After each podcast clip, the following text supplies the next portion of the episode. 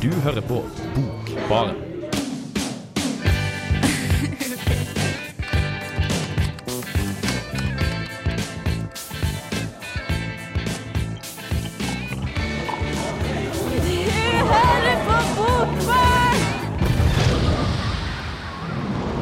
Hei, og velkommen til Bokbarn. I dag skal vi snakke om noe som til stadighet er agenda i litteraturdebatten, nemlig om politisk litteratur. Jeg heter Martin Ingebrigtsen, og jeg sitter her i studio sammen med Mathias Samuelsen Hei. og Idun Fivelstad. Hallo. Mathias, hva skal du snakke om i dag? Jeg skal prate om en diktsamling eh, som kom ut eh, i fjor av eh, den gode, gamle forlagsredaktøren og poeten Geir Gulliksen. Den heter 'Et ansikt som ligner Nei, et ansikt som Jo, et ansikt som eh, Ligner norsk politikk? Et ansikt som minner om norsk Minner politikk. om norsk politikk. Enn du da, Idun? Jeg skal preke litt om Nina Karin Monsen og Fritt Ordprisen og hva hun har sagt i det siste. Det høres jo veldig politisk ut. ja, og litt om Bokjena-kampen om eh, ekteskapet og barnet. Ja, ja det, vi skal snakke mer om hva politisk litteratur faktisk er, tenkte jeg. Eh, men det skal vi gjøre først etter at vi har hørt Hank the Third med 'Working Man'.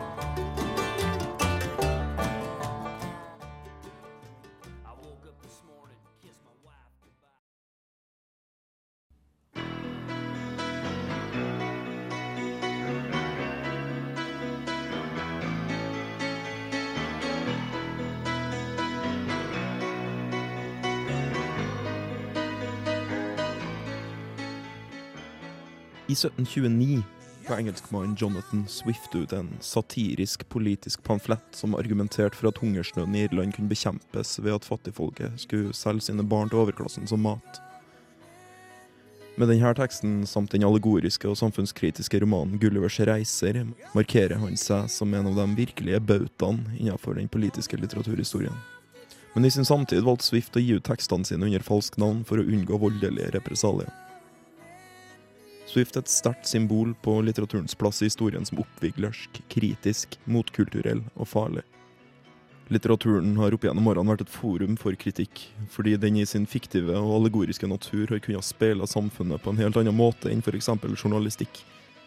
Litteraturen skal jo ikke være sann, den skal jo bare kunne tolkes som sannhet.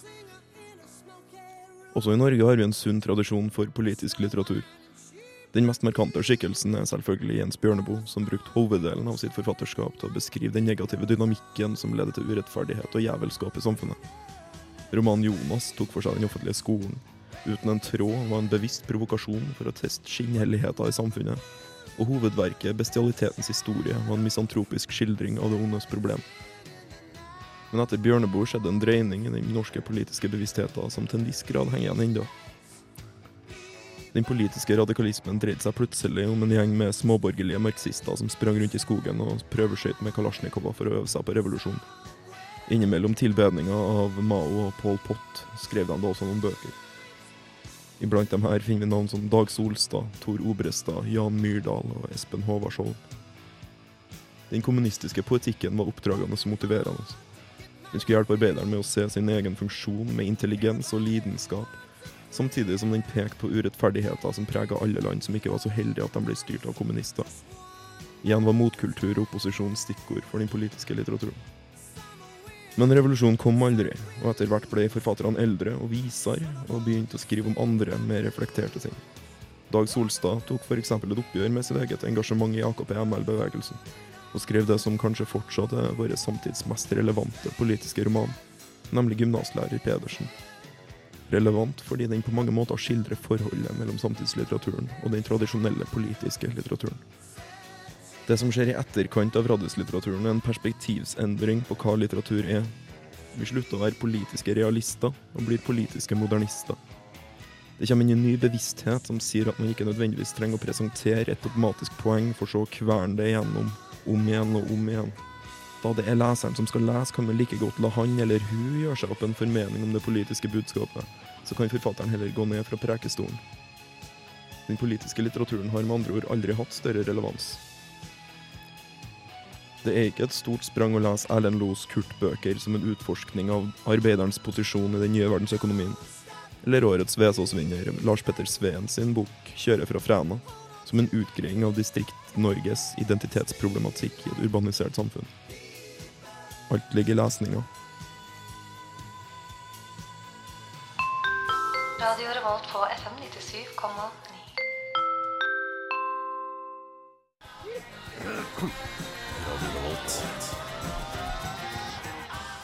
Der fikk du Kiss med I Stole Your Love. Hørtes litt overraska ut. Da. Kiss? var, var, det er litt sånn, eh, litt, litt sånn fysiske ting her som skjer rundt meg. Okay, det det. Eh, men eh, før det så hadde Martin laga en litt sånn introduksjonssak om politisk litteratur, henholdsvis i, i Irland og i Norge.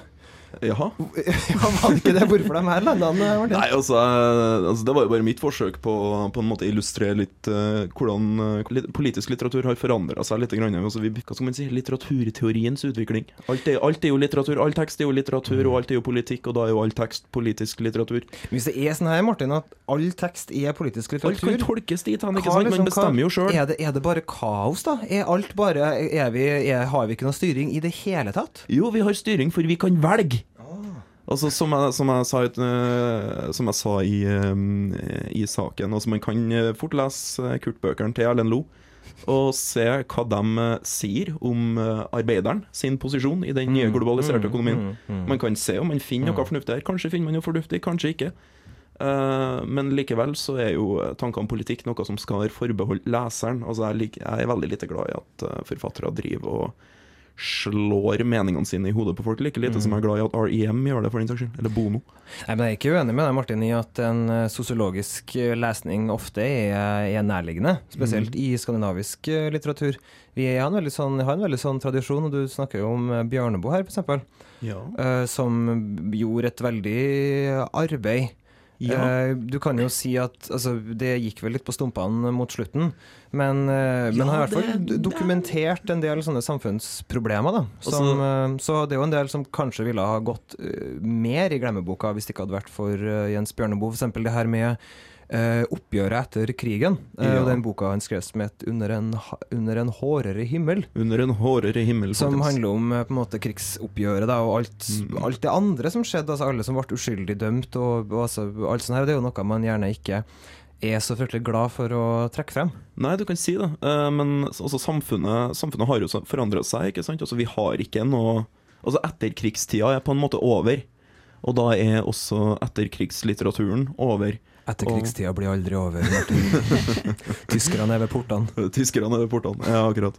Men altså, altså, etter hvert som samfunnet forandrer seg, så begynner jo forfattere å dokumentere samtida si Mm. på en annen måte. Og folk klager jo stadig vekk over at det ikke finnes politisk litteratur lenger. Altså, det er i og for seg sant, vi har ingen Bjørneboa, sånn egentlig. Men vi har veldig mye politisk litteratur.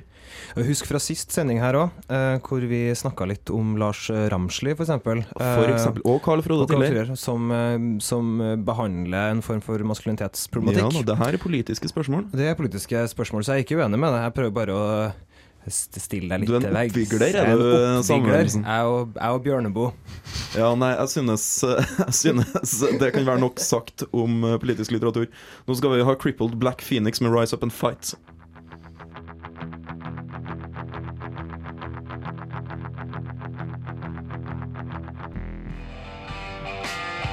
Radio Revolt. Ukas bok. 70 fortvila stemmer fra Tsjernobyl gir oss som leser innblikk til noe vi ikke har tenkt på siden ungdomsskolen. Ingrid Storholmens fortellinger fra Tsjernobyl er ment som en oppvekker til alle oss som har glemt ulykka, og som ikke har et smykkeforma arr på halsen, fordi vi måtte ha operert vekk skjoldbruskkjertelen, den som tar opp det radioaktive stoffet. Dette er Ingrids første roman, og han kjører uvanlig en. Hele 70 stemmer formidler oss tragiske budskap så avisen ikke lenger skriver om. Mødre som er livredde for at de enten aborterer, eller at ungen er så misdanna at det ikke ligner på et menneske. En doktor som ikke gjør annet enn å skråpe ut aborter. En boende som ikke gjør annet enn slagg i avlinga si. Med døden av kamerater, fedre, mødre og unger rundt seg, så rår han for det hele. Handlinga tar til fra den dagen reaktoren i Tsjernobyl sprengtes 26. april 1986, og til 60 år etter er 2002. Storormen vokste opp i Verdalen, og fikk sjøl kjenne seg besk regndråpene som kom med vinden fra Tsjernobyl, før Sovjet i det hele tatt hadde tenkt på å fortelle om ulykka til resten av verden. Hun og søstrene ble ramma i leken, og søstrene har fremdeles arr på halsen til å minne dem om hva som skjedde. Eksplosjonen i Ukraina, ti mil nord for Kiev, var så voldsom at det 500 tonn tunge taket på reaktoren ble blesset av, og 31 mennesker ble drept umiddelbart. Enorme mengder radioaktivitet ble sluppet ut i atmosfæren og spredde seg over store områder. Mengda var 400 ganger større enn utslippet i forbindelse med atombombene i Hiroshima og Nagasaki. Det er en av Storholmens intensjoner med denne boka. At vi ikke skal glemme. At vi skal vite at tilstanden i Tsjernobyl-området har aldri blitt bra igjen. At selv om spøkelsesbyen der det small, begynner så vidt å fylles opp igjen med de fattigste av de fattige, så er fremdeles en hel nasjon og litt til ramma. Storholmen viser oss hva hun mener om kjernekraft, og legger inn flere faktabolker i sjølve romanen om kjernekraft og om ulykker innimellom seg fiktive karakterene. Det er òg mytiske innslag og bibelske allusjoner blanda inn i den politiske undertonen. Det er med andre ord ei vel gjennomført og merkelig roman om alle sine element og karakterer. Men aller mest så er den viktig. Viktig for ikke å glemme av, og formidle til den nye generasjonen som ikke vet. Og jeg vet ikke med dere, men å få mentale bilder på det å fø en unge med tre hender som griper etter det, helt til ei bror som hopper ned i grava til jeg knerta forloveden sin, gjør redd jeg ikke glemmer Tsjernobyl-fortellinga med det først. Der hørte du Laura Wears med låta 'Galaxies'. Uh, veldig fint, spør du meg. Før det så hørte du ukas bok som Idun hadde laga, om Ingrid Storholmen sin eh, Tsjernobyl-fortellinger.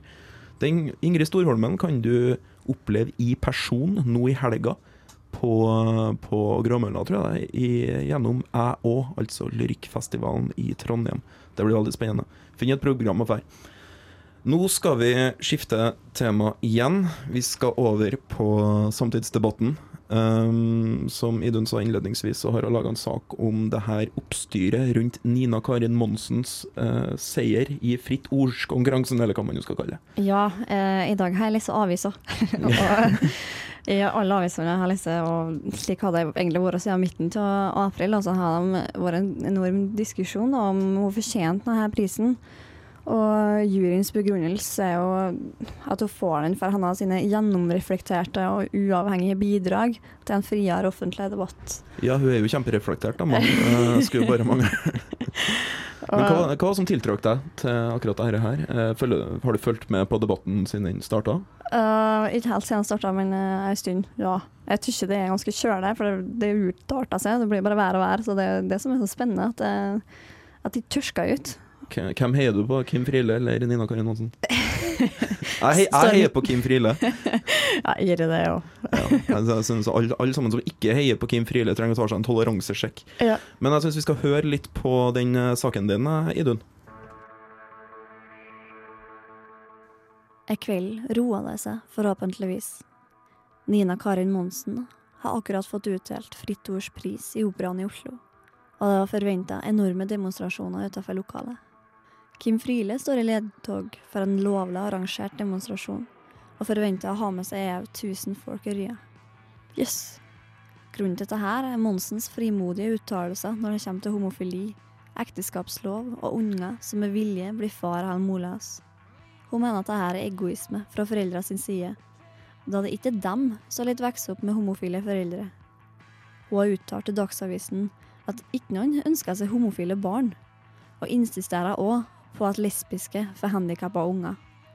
Kim Friele fikk sjøl utdelt Fritt Ords pris, ikke 78 med fullstendig motsatte argument i bakhånd. Friele var homoaktivist, den gang homofile i det norske samfunnet ikke ble sett på som likeverdige mennesker. En protest har hun nå returnert prisen. Monsen er filosof og en produktiv forfatter med syke å utgive bøker. Hun sier til Morgenbladet at det bare har kommet to anmeldelser til den nyutgive Kampen om ekteskap og barnet, der hun går i rette med loven som gir homofile rett til å gifte seg. Hun skjønner derfor ikke den krass kritikken mot at hun mottar prisen.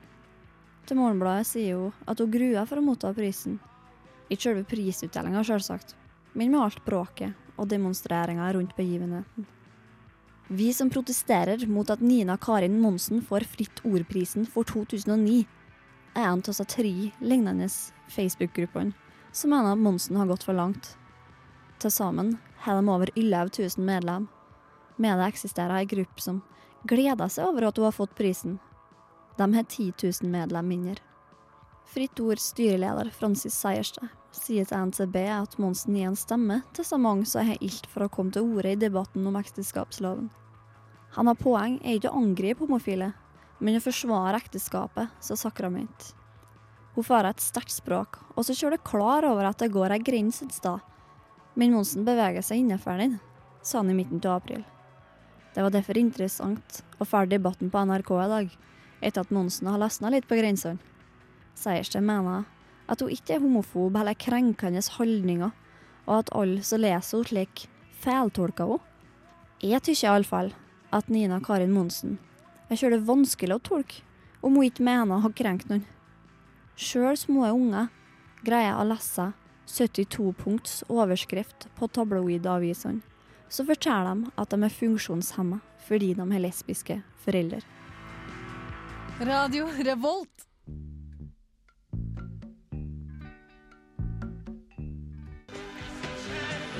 Velkommen tilbake til Bokbaren. Der hørte du Johnny Nash med I Can See Clearly Now. Ikke Cash, men Nash.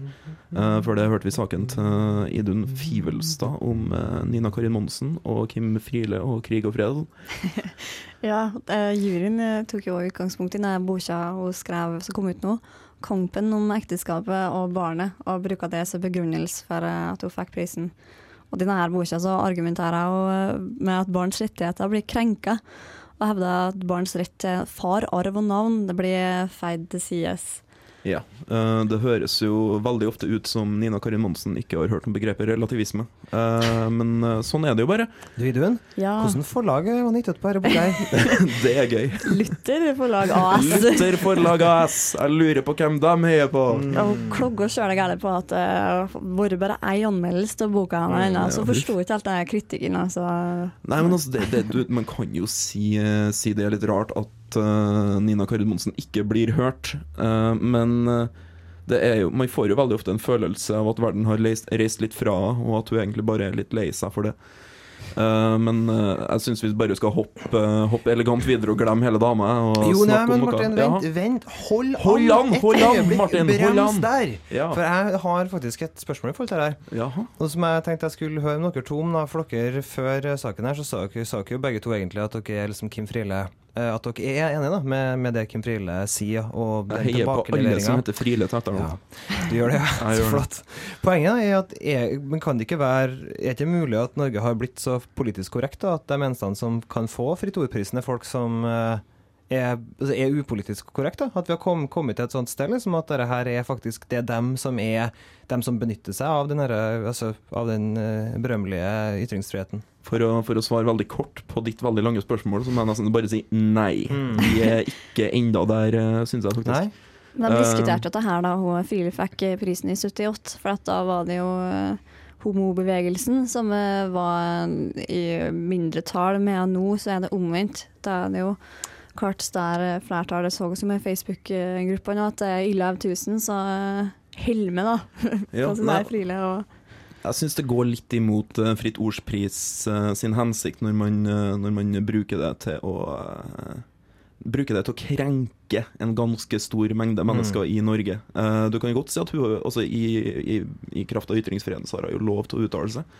Og man har jo også lov til å høre etter, og man har lov til å ha debatten. Men å på en måte berømme for at hun går hardt ut og sier at uh, sier, altså, skal, uh, satt, satt, satt på spisen at homofile er tilbakestående, og at de ikke er skikka. for- Sier jo faktisk at barn av lesbiske er funksjonshemma. Ja, Mm. det er litt drøyt. Eh, kan vi hoppe videre nå, Mathias? Har du svart på spørsmålet? Ja, ja, ja, ja.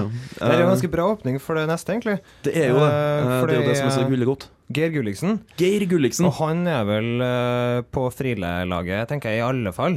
Det ville overraska meg hvis Geir Gulliksen var homohetser på fritida. Altså. Han er jo ikke kjent som noen særlig konservativ type. Han er jo en ganske viktig person i, Ja. i den norske litterære uh, offentligheten. For han er jo redaktør, eh, sjefsredaktør i Oktober. Jeg vil kanskje gå så langt å si at Geir Gulliksen er en av Norges viktigste litteraturredaktører. Det- Og han er ganske hyggelig òg, ikke sant, Martin? Mm, han, er en veldig hyggelig fyr. Du har møtt han, du. Jeg har møtt han et par ganger, faktisk. Han har alltid vært veldig blid. Ja. Og andre ganger jeg møtte han, så kjente han meg igjen, og det imponerte meg veldig.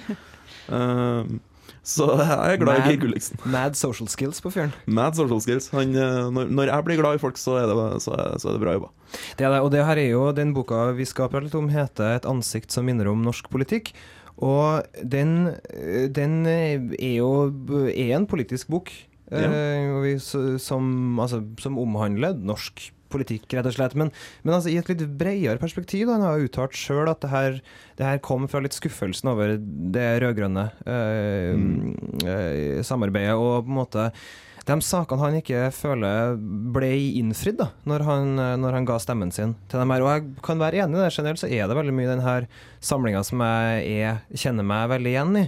Nå er jo tross alt Gulliksen en mann på 50, så Så, så du og Geir Gulliksen, altså. Ja, nei, vi skal høre litt på et par dikt eh, fra samlinga til Geir eh, Gulliksen. Jeg var så snill, sa mamma. Hun sa det på den snille måten, som kanskje skulle gjøre meg enda snillere. Brødrene mine var også snille, men jeg var yngst og derfor snillest. Snill som i liten og norsk og minst i familien. For jeg ble født, trodde alle at jeg skulle bli jente. Og det ble jeg kanskje også. Men på en så snill måte at ingen skjønte det. Jeg gikk for meg selv og holdt på med mitt. Jeg var altfor snill til å være sammen med andre. Og da jeg ble en voksen jente, var jeg enda snillere. Så snill at jeg sluttet å være jente. I alle fall for en stund. Jeg ble snill på den måten som en voksen mann er snill. Når han eller hun trekker i dress eller drakt eller uniform og går ut for å gjøre verden snillere. Jeg ble så snill at jeg gjorde alt bare for å få være snill. Bare for å få jobben gjort. Bare for å få være med i krigen. Eller slippe å være med i krigen. Eller for å bli liten og snill igjen. Eller for å slippe å bli liten og snill igjen. Eller for å bli snill på en måte som ikke så altfor snill ut. Jeg var snill sammen med alle de andre som også var snille. Vi var snille på slemmes bekostning, og jeg var så snill at jeg nesten døde av det. Men det finnes mye som er atskillig verre enn døden. Mens jeg skrev disse diktene, skiftet opinionen mening om krigen. Den krigen vi sender soldatene til akkurat nå. Først var vi for, så ble vi imot, nå er vi for igjen. En gutt på 19 kom hjem med ett bein. Han sa at krigen var verdt å dø i. At saken var verdt å dø for. Ville ikke jeg også sagt det? Kropper dør og blir gravd ned i sanden. Eller sendes hjem til et land langt borte. En ung gutt eller en voksen mann får et gevær. Han skyter i en kropp. Som kanskje var soldat, og kanskje ikke. Som kanskje var voksen, og kanskje ikke. Det finnes enklere og mindre personlige måter å drepe på. En landmine som blir gravd ned i veien, hvor som helst i et land. Eller raketter som avfyres fra langt unna. Og som selv finner veien til målet. Fire gutter som spiller fotball på et jorde. Landminen blir skrudd sammen på et kjøkken. I litt dårlig lys av en som har funnet en sak å dø for. Rakettene blir produsert i et annet land. Av vanlige kvinner og menn som sykler i regnet under høye grønne trær. En annen ung gutt som også var soldat, fortalte at ungene ofte kom løpende ut av landsbyen for å ta imot soldatene, og at de ble glad for å se dem. Og de gangene soldatene ikke ble møtt av unger, var landsbyen utrygg å gå inn i. Unsafe. Altså for soldatene. Jeg som vil bli voksen fort for å slippe å være sammen med andre barn, setter meg på gulvet og leker med ungene, for å slippe å snakke med de andre voksne. Om natta ligger kroppen våken i senga. Kroppen er naken og urolig under teppet. Den minner om øynene som er åpne under et skjerf. Som blir bundet stramt over øynene på en mann som skal bli skutt. Dette skrev Ami Chai på et dikt. Han var soldat i flere av de krigene Israel har ført. Altså må han ha ment at disse krigene var verdt å dø for. Han må ha ment det motsatte også. Hvorfor skulle han ellers skrive så mange dikt om soldater og barn? Hvorfor skulle han ellers skrive om kroppen, en manns kropp, som prøver å begripe noe den selv ikke kan se? Kroppen er naken og forvirret under klærne. Den vil ikke dø. Ja, hallo, ja, du. Trondheims eh, vakre fjell og Nidelv ja, Det er Tore Renberg her. Dette er studentradioen i Trondheim. Og du er jævlig heldig som hører på den. Der hørte vi Dr. Hook and The Medicine Show med låta If I'd Only Come and Go. Uh, Mathias underholdt oss litt i pausen med å vise, vise frem hva han har lært på dansetrening. Eh, han har vært borti det siste. Før det så hørte vi da den alltid eminente Sondre Munthe Kaas eh, lese opp et par dikt fra eh, den siste samlinga til Geir Gulliksen. Jeg syns det høres fint ut, da, Mathias. Ja, jeg syns jo vi måtte få Sondre til å lese på her, for han er jo med i Globus. Han er med i Globus. Som er utenriksprogrammet. Ja. Så, i en, eh, så i en politisk sending, hvem andre enn da vår, våre på en måte utenriksmedarbeidere Utenrikskorrespondentene som er her i studio her i før oss. ja. Det- til å lese opp det. Og Sondre gjorde også en veldig god jobb med dette her. Og jeg syns han har fanga noe av Geir Gulliksen sin, eh, sin på en måte norskhet. Det var en veldig fin, veldig fin stemning, men uh, diktsamlinga liker hun. Ja, jeg syns den er god. Som du sier, altså jeg har ikke vært like begeistra for Gulliksen før. Um, og jeg er litt sart på sånn dikt uh, som tematiserer litt mye å skrive dikt. Ja. Jeg. Eh, og her er det veldig mye av det. Det er liksom sånn diktet sier og diktet gjør, og du er i diktet og sånn. Og det syns jeg kan bli litt kleint, men så på en annen måte så funker det, for at han klarer å lage Altså her i boka her, da, så lager han en kontrast mellom diktet og den norske virkelighet, på en måte. Ja. Og da fungerer det plutselig, da. Så, så den, den er, det er historien om en bror som dør, om en mor som dør, og om barn da, som på en måte dør? vokser opp. Nei, de, nei, de vokser opp.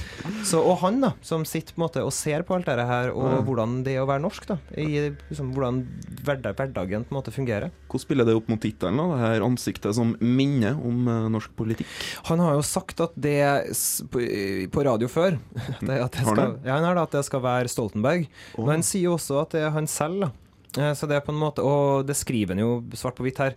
eh, At eh, dette det er mitt ansikt, ansikt av, av, som minner om norsk politikk. Så han ser jo, og for dem som har sett bilder av Gulliksen, så han er ikke helt ulik. Stoltenberg, altså. Eh, Norsk, norsk politikk eller Stoltenberg? Begge deler, kanskje. Neida, men, jeg, men jeg forstår litt hva han mener med det her. Det er jo det, det med å være forma av en sånn norskhet, eh, og av en veldig norsk hverdag, da, som han tydeligvis har vært, altså middelklasse og sånt. Og det er en veldig god beskrivelse av det fra en mann som begynner å bli eh, godt voksen. Ja, og da må jeg jo nesten bare poengtere det at her har vi jo selvfølgelig en politisk lesning som bare ligger og venter. For Mm. hva vil det være, si å være norsk? Er det et politisk spørsmål, er det et sosialt spørsmål, osv., osv., osv.? Han knytter det jo opp til Afghanistan og sånn. Ja. Og det er det her med å være litt skuffa over det rød-grønne eh, Det rød-grønne samarbeidet, skulle jeg si. Fordi at, eh, og det gjelder meg også. Jeg stemte jo SV eh, -hmm. fordi at jeg håpa at vi skulle få slippe å sende soldater til Afghanistan. Men soldatene vil jo til Afghanistan. Det er ikke Hvis soldatene vil det, så er det ikke soldatene i stand til å bestemme Dra på egen hånd! Kan jeg Kan de bestille seg en flybillett og fære? ja, det- Nei, men poenget, poenget er at det, med, det er en del i den her med hvor mye Norge involverer seg i Ja. utlandet. Og det Mm. er et veldig viktig spørsmål som ikke alltid kommer opp i diktsamlinga. altså. Men det gjør det her, altså. Ja, og det tematiseres ganske bra fra en ganske reflektert og ikke minst respektert mann. Så vi bør egentlig høre når han eh, kommenterer sånne, sånne samfunnstilstander. En streng eller en snill i kritikken? Ja, han er jo bare snill. Du hørte Han jo på på det han er der. Han er jo bare snill. Ja, Med nei, det, godheten sjøl. Og det er det, med å være norsk òg, ikke sant? Det er det Jo, som er jo, litt ja. problemet her, at vi blir litt Mm. for snille. Ja, nei, du kan, eh, det kan være et veldig relevant poeng. Spesielt det her med at Geir Gulliksen er veldig norsk på en Mm. sånn på en sånn måte. veldig snill måte. Ja. Uh, Ja, veldig, veldig fin fyr. Hvis noen noen gang møter Geir Gulliksen, så bare legg merke til hvor fin fyr han egentlig er. Jeg må jo bare understreke den her linja vi også fikk hørt opplest, altså det at han var sammen med andre så var han snill på de slemmes bekostning. Det syns jeg er veldig godt sagt, for det er jo det veldig mye det vi driver med i landet, gjennom masse ungdomsorganisasjoner og alt sånt. Natur og Ungdom, for eksempel, de er snille på de slemmes bekostning. Ja. Eh, og Amnesty og alt sånt der, ikke sant? Så det er en sånn bra karakteristikk, da, syns jeg. Én ting jeg syns vi er nødt til å navne mens vi er inne- mens vi er inne på Geir Gulliksen og Oktober Forlag i en sending om politisk litteratur.